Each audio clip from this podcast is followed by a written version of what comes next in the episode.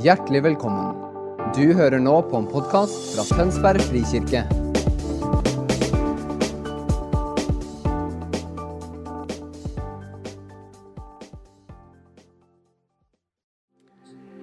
Ja, så nydelig. Det har vært en uh, opplevelse med lovsangen denne helga.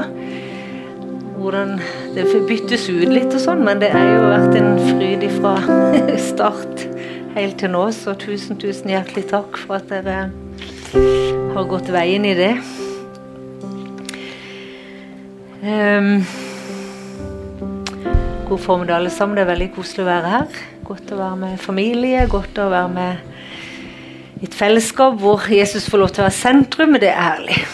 Nydelig med Morten og Bergljot og teamet rundt dere. Det er jo en, bare en fryd. Veldig sånn lave skuldre og godt. Fint.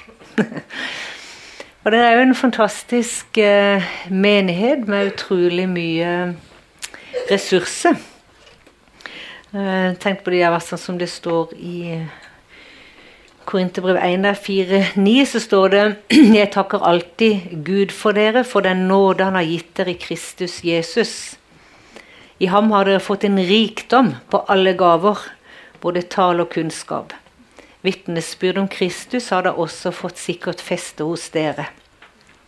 Derfor mangler dere ingen nådegave, mens dere venter på at vår Herre Jesus Kristus skal åpenbare seg.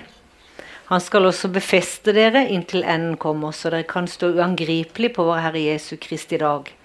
Gud er trofast, Han som har kalt dere til samfunn med sin sønn Jesus Kristus, vår Herre.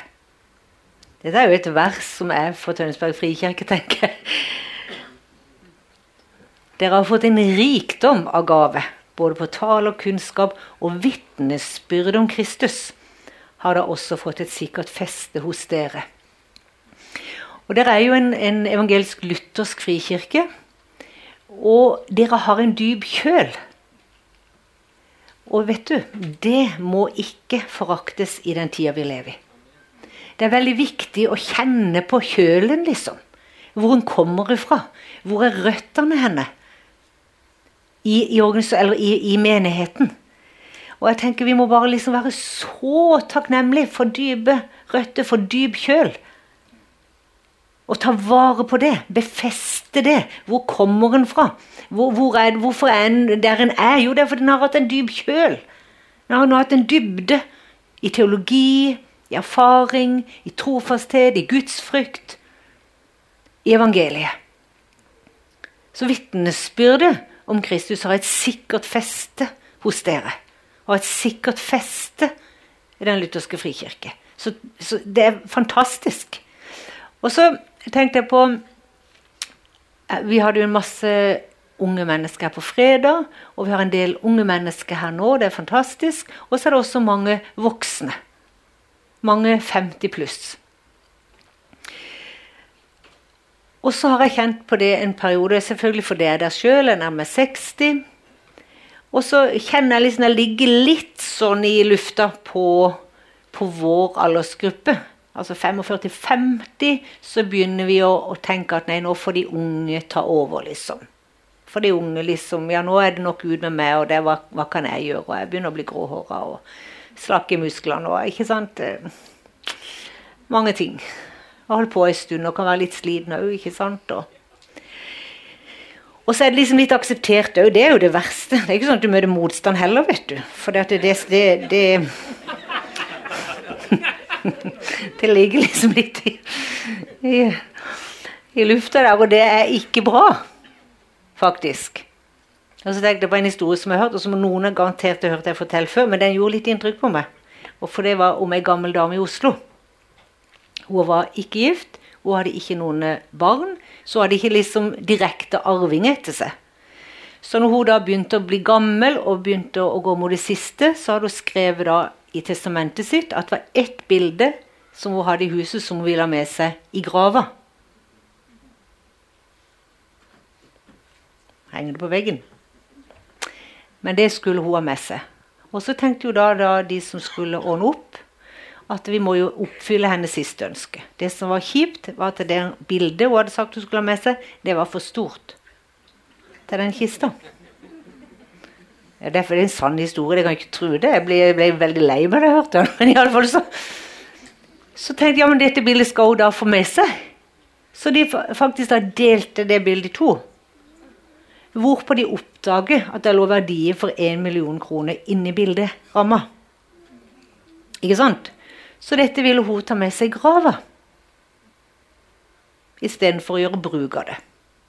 Så tenkte jeg litt kan det bli sånn med oss som er pluss 50.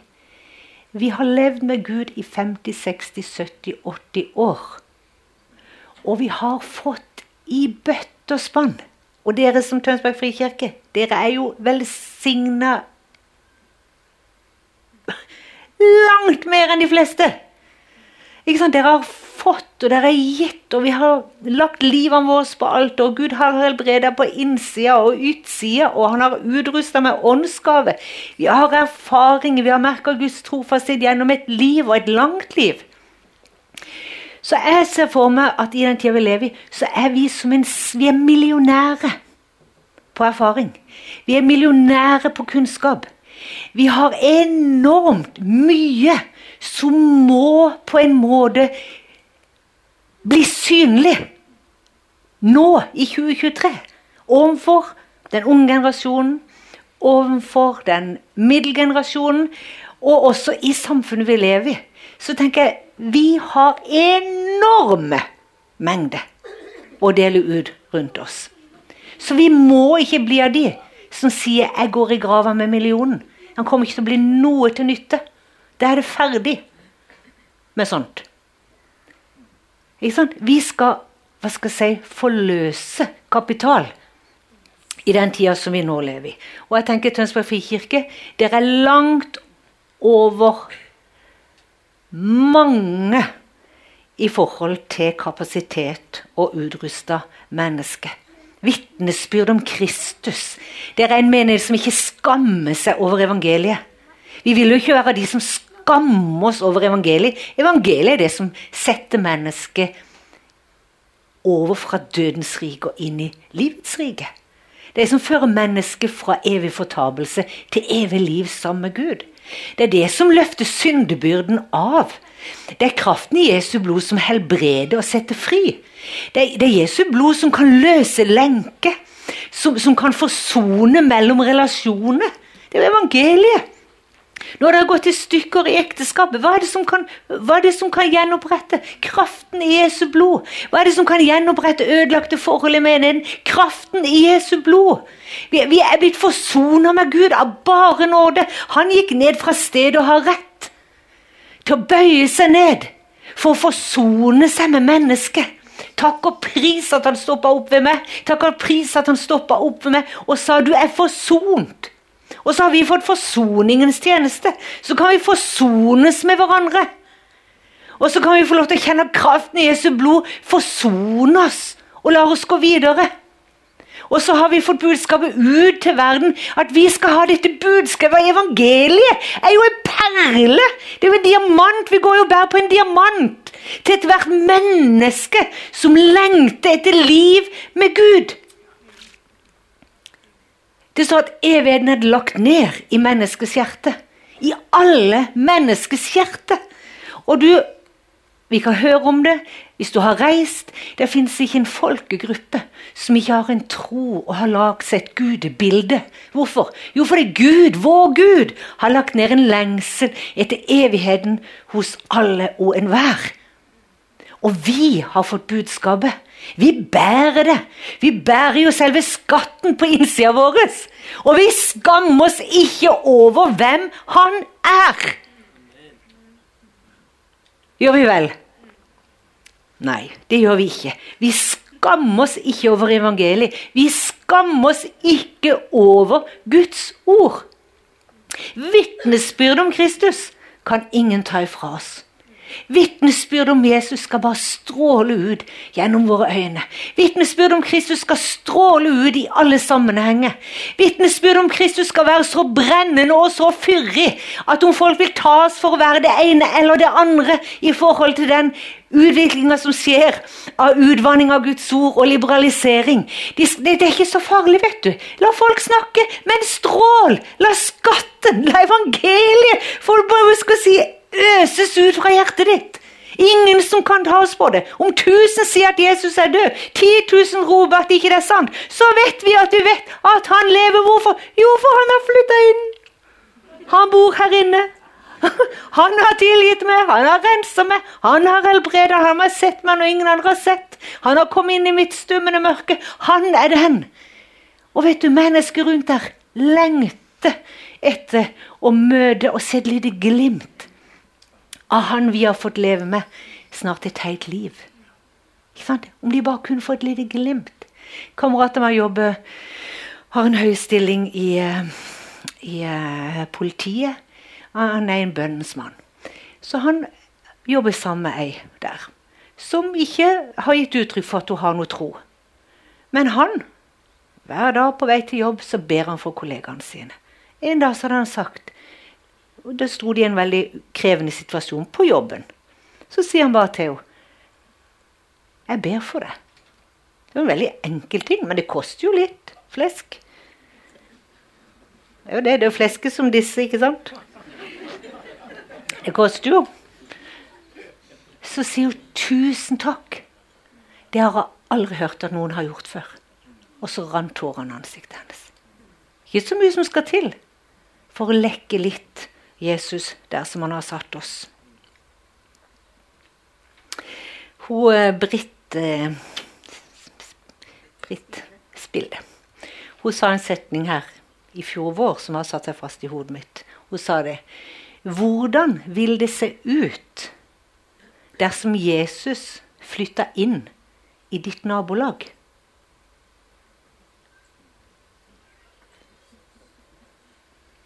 Og så var jo det en interessant tanke. Skal du flytte inn i nummer fire Jesus? Jeg bor i nummer tre. Eller er syv? Saken er jo det at han bor i nummer tre. Fordi vi bor der. Så har Jesus flytta inn i mitt og ditt nabolag. Det er fint. Og veldig spennende. Og også utfordrende. Men det er jo det som er sant. Jesus har flytta inn i Hallikjerre, der jeg bor. Jesus har flytta inn der du bor fordi at du er satt der. I Lukas 14 så står det om gjestebudet. En av gjestene som hørte dette, sa til ham, Salig er den som får sitte til bords i Guds rike. Men Jesus sa til ham, det er en mann som vil holde stort gjestebud, og han innbød mange. Da tiden for gjestebudet kom, sendte han tjeneren sin av sted for å si til de innbudte, Kom, for nå er alt ferdig. Men, da, da, men, men, de begynte å unnskylde seg, den ene etter den andre. En sa, 'Jeg har kjøpt et jordstykke og må gå ut og se på det. Vær vennlig å ha meg unnskyldt.' En annen sa, 'Jeg har kjøpt meg fem par okser og skal ut og prøve dem. Vær så vennlig å ha meg unnskyldt.' Og en tredje sa, 'Jeg har giftet meg, og derfor kan jeg ikke komme.' Tjener kom, eh, tjener kom tilbake og fortalte dette til herren sin. Da ble husherren sint og sa til tjeneren.: Gå straks ut på byens gater og torg, og hent inn de fattige og uføre og blinde og lamme. Tjeneren kom tilbake og sa, Jeg har gjort som du sa, men det er ennå plass. Da sa Herren til tjeneren, Gå ut på veiene og stiene og nød folk til å komme inn, så huset mitt kan bli fullt. For det sier jeg dere, ingen av dem som var innbudt, skal få smake festmåltidet mitt. Og Den teksten har liksom ligget litt i meg i det siste, og så kjente jeg jo dette har jeg lyst til å fokusere litt i Tønsberg frikirke. Og jeg går litt i tro på at det er et ord som er viktig for dere, det som, det som, eh, som kommer nå. Fordi at jeg, jeg tror at vi kan dere er jo en veldig aktiv menighet, og dere er jo aktive på byen. og Dere har hatt Abrahams kafé, og jeg vet dere er misjonale, så det er ikke dette å si at ikke dere er det. Men tenk om dette var et ord for denne tida. Det hadde vært litt spennende hvis dere kunne prøve ut og kjenne på, rett og slett. Ikke sikkert, men prøv det ut. For det som jeg har tenkt på, det er at mon tro om vi noen ganger fester blikket i feil retning. Vi kan si, og Hvor mange ganger har ikke dere hørt og jeg hørt? Nei, det er så stengt i Norge. Det er så stengt i Vesten. Ikke sånn, Så tar vi flyet til Afrika, så er det akkurat som vi blir en sånn transformasjonsopplevelse på vei ned til Afrika. Sist jeg var i, i ikke Mosambik, men i Sør-Afrika, så var vi på husbesøk. Og du vet, så frimodig jeg var. Du kan ikke tro det. Vi gikk og vi banka døra. Har aldri vært der før. Jeg visste jo ikke navnet på stien engang. ikke sant? Banka på, vi var en gjeng der, og så ene som kom ut og dro litt på beinet. Vet du, Det tok bare med tre minutter før noen hadde spurt skal vi be for det. Og hun ble helbreda. Og så var det Janne som hadde vondt i armen. Det to minutter. Ja, jeg ser du har vondt i armen, har du lyst til vi skal be for det? Og muslim, ikke sant? Ja, det kan dere gjerne gjøre. Så kom vi på trappa med to menn som kom ut der. Sto, sto der alle sammen og forkynte evangeliet. Hva er veien for at dere ikke vil ta imot Jesus? Det, vi kan godt ta imot Jesus. Ja, Så var vi med to til frelse der. Hvorfor det?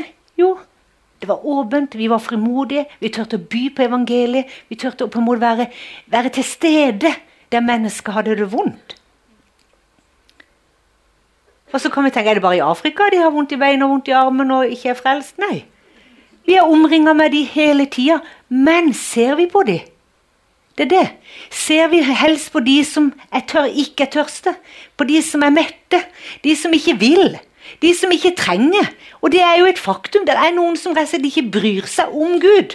Det er noen som ikke gidder kirke. Det er noen som ikke har den lengsten så høyt oppe i hjertet at de søker tilsynelatende i det hele tatt.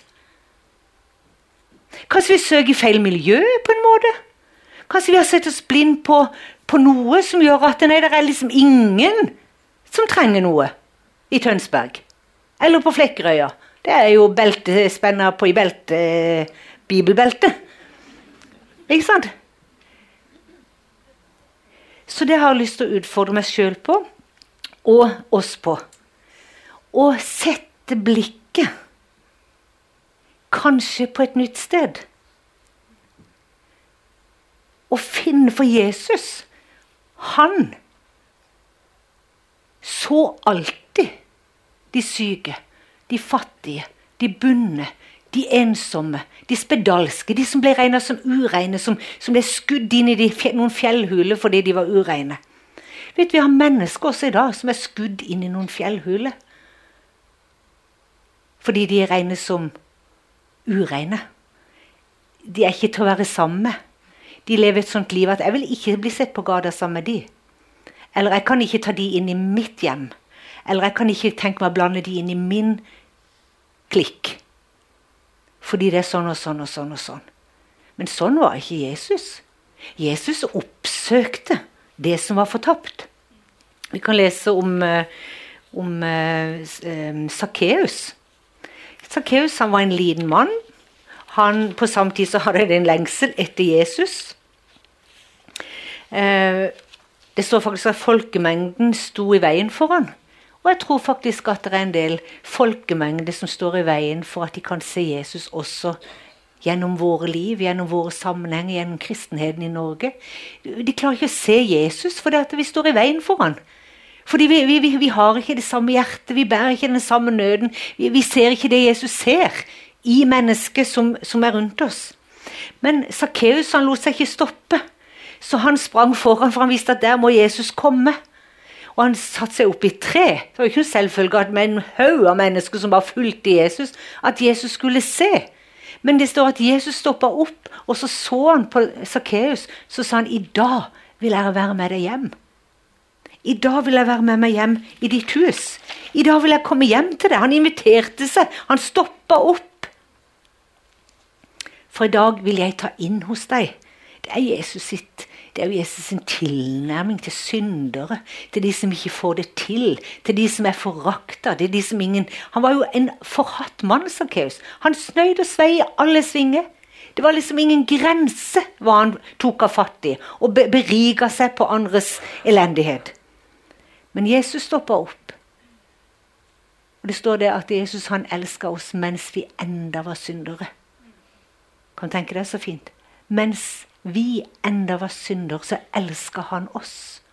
Så Jesus begynner ikke å elske mennesker i det øyeblikket de tar imot ham. Jesus elsker synder mens de enda er syndere.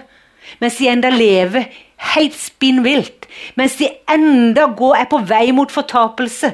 Mens de enda gjør at livet blir mørkere og mørkere. Mens de enda holder på å skade flere og flere mennesker. Så elsker Jesus synderen.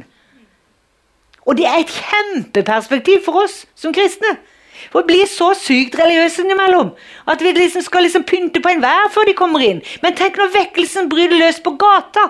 Hvem er det vi da får inn? Vi får mange mennesker som bare er så uslipte. Men som er elska av Jesus mens de enda er syndere. Og som han elsker selv om ikke det er perfekte etter de tok imot han. Mens de var underveis. Det er veldig spennende. Og det gir sånn håp for de vi ber for. Hva tenker Du har familie som lever hei, du bare vet de lever utenfor Guds vilje. Ta valg som du aldri skulle ønske de ville ta. Men tenk å bare vite at vår Far i himmelen, han elsker de mens de enda er syndere. Og han vil komme til et punkt hvor han stopper opp hos de og sier 'Jeg vil komme inn til deg. Jeg vil flytte hjem til deg. Jeg vil komme inn i ditt hus. Jeg vil komme inn i ditt hjerte.' Sakkeus, skynd deg ned. Og Da syns jeg det er en utfordring, og en positiv utfordring, men også en krevende utfordring, at Jesus ber meg om å se det han ser i de menneskene som er rundt meg. Når moder Teresa ble kalt ut til Calcutta, så var det bare noen få ord, noen få ord fra, fra Gud hvor han sa 'Kom, før meg ut i de fattige skur. Kom, vær mitt lys'. Det var liksom kallet som ga henne flere tiår i Calcutta. Blant de fattigste av de fattigste, de mest fordringsfulle og farløse og krevende og syke og døende og urettferdighet og alt du kan bare Hvis du skulle liksom lage en lapskaus av elendighet, så levde hun i det. Ikke sant? Hun bare var i det. Ikke sant? Men Jesus sa, 'Kom, før meg ut'. Kom, før meg ut i de fattige skur. Du vet, Jesus, akkurat som vi leste i gjestebudet, gå ut og nød de. Gå ut på gate og strede. Inviter de som, som sitter i fengsel. Kanskje det er en nabo som ikke du har sett har henta posten på tre måneder. Eller kanskje det er en, en, en mor og en far på, på skolen på foreldremøte. Du bare ser de har det trist. Hvorfor ikke invitere de hjem? Kanskje det er noen møter på gata som du bare, du bare kjenner hva hjertet går ut. Ja, det er jo Jesus sitt hjerte. Det du har gjort mot en av disse minste, har du gjort imot meg. Vi samla inn til Ukraina i går. Kanskje vi kan mette kanskje 1000 mennesker i uke på det? vi er ikke peiling, men bare estimert. Når vi samler inn, så sier Jesus som dere samler inn disse pengene til disse krigsherja områdene i Ukraina, så samler dere de inn til meg. Det dere har gjort mot en av disse mine minste, har dere gjort imot meg. Så det er identifiseringen vår Herre Jesus Kristus gjør med alle syndere som går der ute, som ikke kjenner Jesus. Når vi betjener dem, når vi smiler, når vi, når vi gir et vennlig håndtrykk, når vi besøker den dama som sitter der alene. Eller når vi velger å gå til Jeg tenkte på gamlehjemmene. Nå har jeg vært eh, litt involvert, holdt jeg på å si. Både fordi at pappa eh, har vært på gamlehjem, min mor har akkurat fått plass på gamlehjem, for jeg er blitt dement. Pappa er død i januar, så jeg har fått lov til å liksom, følge både pappa der og hjemme og, og, og, liksom ser disse englene av hjelpepleiere og sykepleiere som jobber der. Hvordan Gud sender mennesker i veien deres, som gjør at de får en verdig alderdom. Og de får liksom, Flere av de var kristne òg, vet du. Så du vet, de, de, de, var, de var fulgte pappa og mamma inn i disse her ukene av smerte og, og, og på vei hjem, liksom. For en gave, for en bevissthet å ha mennesker overalt. Og de, de kom ikke med Bibelen under armen inn på romanen sitt. Men du vet, de lakk jo Jesus, og det var fantastisk. Hvordan ser Guds rike ut? Hvordan ser det ut å elske som Jesus gjorde? Jo, det, det ser ut som å holde en døende i hånda. Det ser ut som å sette seg ned og ta en halvtime med den dama som ikke har vært ute på all verdens tid. Det, det, det, ser ut som å ta gå på baren med han som er skilt tre ganger, og som, ingen, som ikke har noen venner lenger. For livet hans har bare gått en helt feil vei. Du, skal vi ta en tur ut? Skal vi ta en kopp kaffe? Skal vi gjøre noe sammen? Har du lyst til å ta en gåtur? Hvordan ser Guds rike ut? Vi, vet, vi, og ikke minst vi karismatikere, jeg tenker vi kan ende oppi at ting skal være litt voldsomt. Og jeg liker det voldsomme, hvis du skjønner. Jeg elsker Guds nærvær. Jeg elsker det profetiske. Jeg elsker å reise og se. Blinde se, døve høre. Spedalske blir rensa. Jeg elsker å se at hungrige blir metta. Og de, de, store tingene skjer. Tusenvis blir frelst. Ikke sant? Jeg elsker å høre om det. Ønsker å være, eh, se, elsker å være en del av det. Så ikke misforstå meg, for vi skal ha mye av det. Men vet Guds rike, vi er en del av menneskets tidslinje. Og vi sår litt her, og vi sår litt der. Og plutselig er det klart til å ta imot Jesus. Ikke sant? Bare med helt vanlige, gode, praktiske handlinger. Vi har faktisk de som er både sultne og sitter fysisk i fengsel i dette, i dette landet vårt. Det har vi. Men vi har enorm mengde med mennesker. Unge mennesker, barn, voksne, eldre. Som sitter i sitt eget fengsel her oppe. I sine egne følelser. Vi har en mengde av mennesker som tørster etter vennskap, etter fellesskap, etter å bli sett, etter å bli hørt. Som tørster etter å komme hjem i sitt eget liv i møte med Gud. Har mange fremmede. Dere har noen fremmede her som har kommet til landet. Og det er mange som kommer fra Ukraina, tror jeg, inn i Tønsberg by f.eks. Vi har mange flyktninger fra flere hold i Norges land. Vi har mange som er bundet, som trenger noen som kjenner Jesus. Vi har de som er besatte. Vi har de som har involvert seg i okkulte ting, som, ikke, som, har, som er fullstendig bundet opp. Per i dag så er det ikke så veldig mange som kommer inn i våre sammenhenger. Men du vet, de fins rett ut forbi døra. Som Geir snakka her om dagen, eller for noen uker siden, tenk om vi bare hadde tatt en lørdag eller en ettermiddag og gått på Marken, som er hovedgågata i Kristiansand. Og så uten noe agenda, uten noe sånn voldsomt opplegg, men bare slenge rundt litt og bare møte folk. Med den intensjonen er det noen ferdiglagte gjerning i Jesus. Er det noen godhetshandlinger? Kanskje hun kunne ta med seg noen, noen penger? Kanskje hun kunne kjøpe seg noen matpose? Kanskje hun kunne bare være der. Bare være til stede i livet, liksom, i verden. Blant mennesker som tørster og lengter etter Jesus. Jeg tror dette er vekkelse.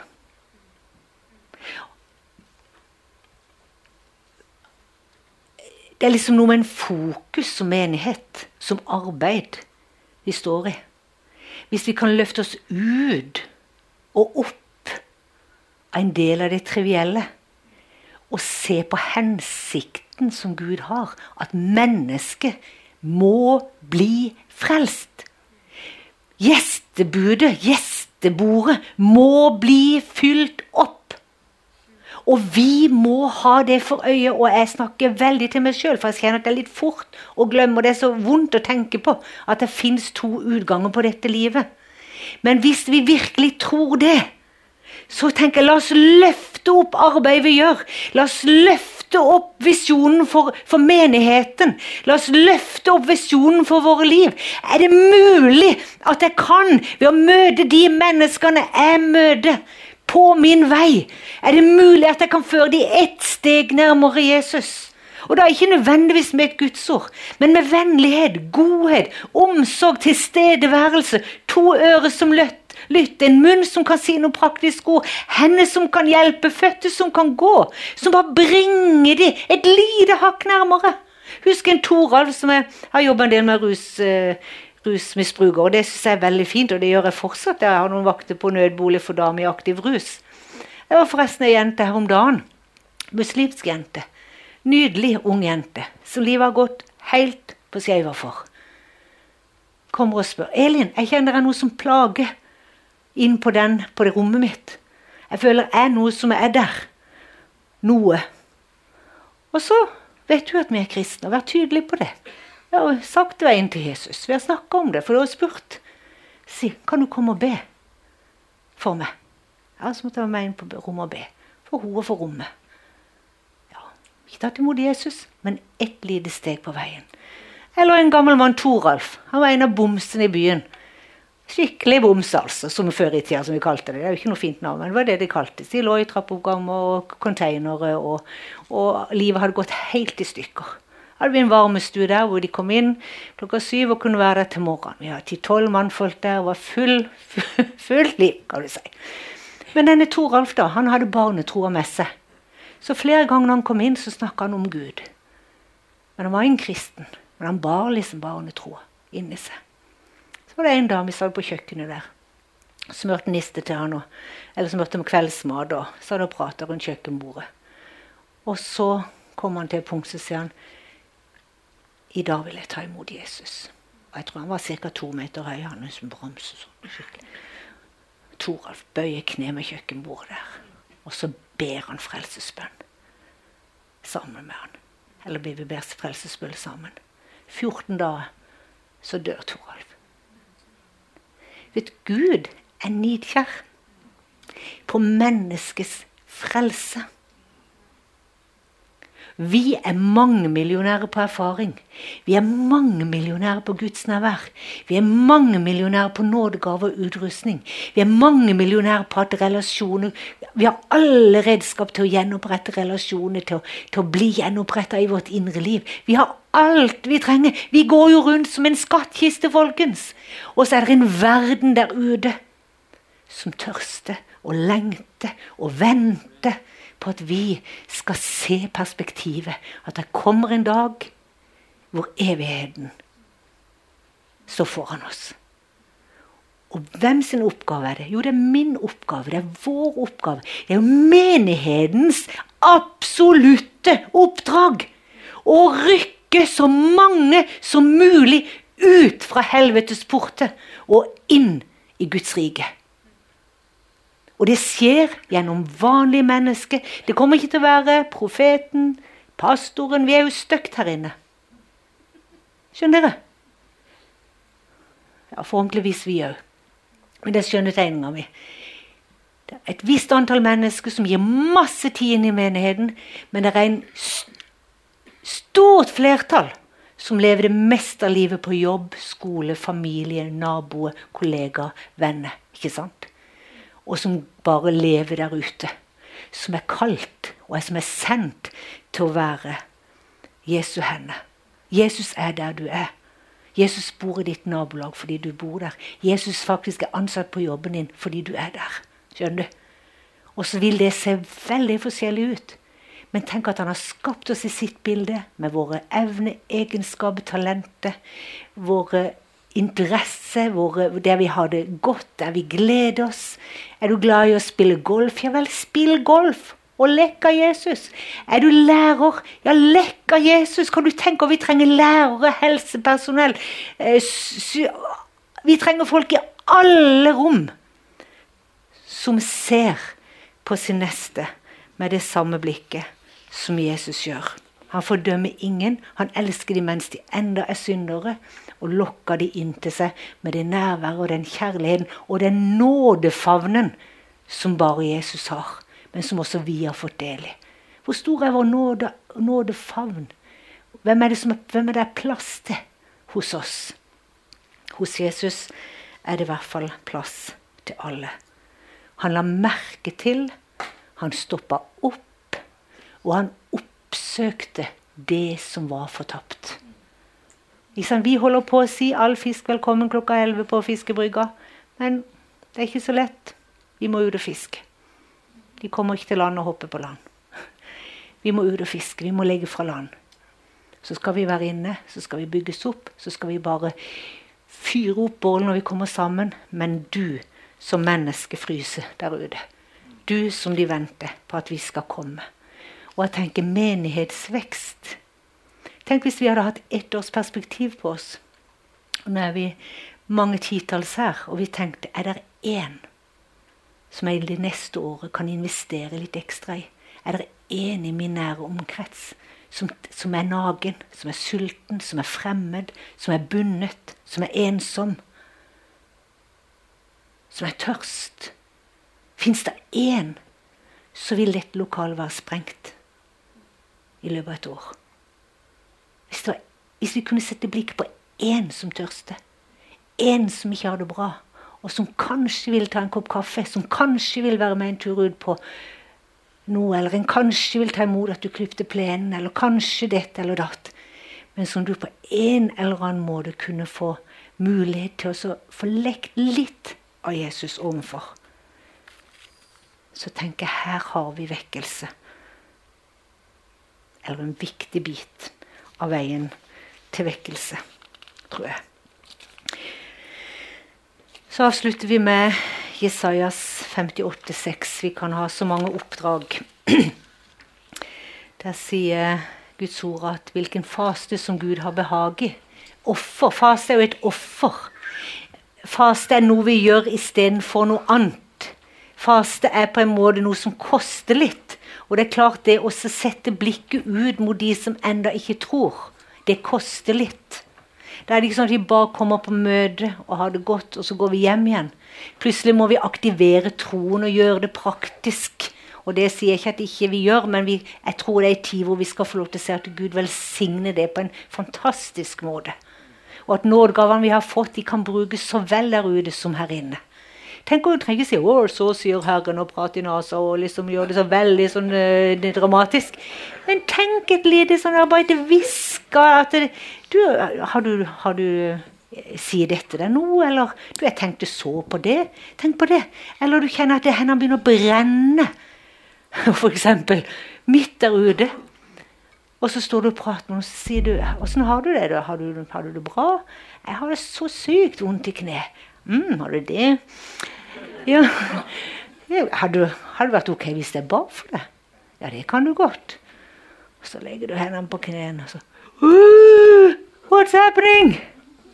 Jeg tror Jesus rører ved det, kanskje. Ikke sant? Det er jo deilig når gavene bare liksom flyttes eller fordobles i velsignelse når vi går ut der. Ikke sant? Dette er spennende. Dette er veldig gøy. Slik er fasen som jeg vil ha, at du løslater dem som med urett er lenket. Sprenger båndene i åket og setter de undertrykte fri. Ja, bryter hvert åk i stykker. At du deler ditt brød med de som sulter, og lar hjemløse stakkare komme i hus. At du sørger for klær når du ser en naken og ikke svikter dine egne. Da skal lyset bryte fram, som når dagen gryr. Dine sår skal snart leges og gro. Din rettferd skal gå foran deg, og Herrens herlighet følge etter deg. Ha! Da skal Herren svare når du kaller på ham. Når du roper om hjelp, skal han si 'Her er jeg'. Når du tar bort hvert tyngende åk, når du holder opp med å peke finger og tale ondskapsfullt om andre, når du deler ditt brød med dem som sulter og metter dem som lider nød, da skal lyset renne for deg i mørket, og natten skal bli som høylys dag. Herren skal alltid lede deg og mette deg i det tørre land. Han skal gi deg nye krefter, så du blir lik en vannrik hage, ja, som et kildevel, der vannet aldri svikter. Du skal bygge opp igjen gamle ruiner og gjenreise murer fra svunne slekter. Da skal de kalle deg den som murer revnene igjen og setter veiene i stand, så folk kan bo i landet. Amen.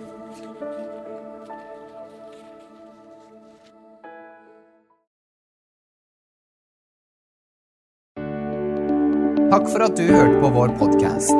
Har du spørsmål eller ønsker du å vite mer? Søk oss på vår nettside tonsbergfrikirke.no. Du er også velkommen til kirke på Brygga i Tønsberg.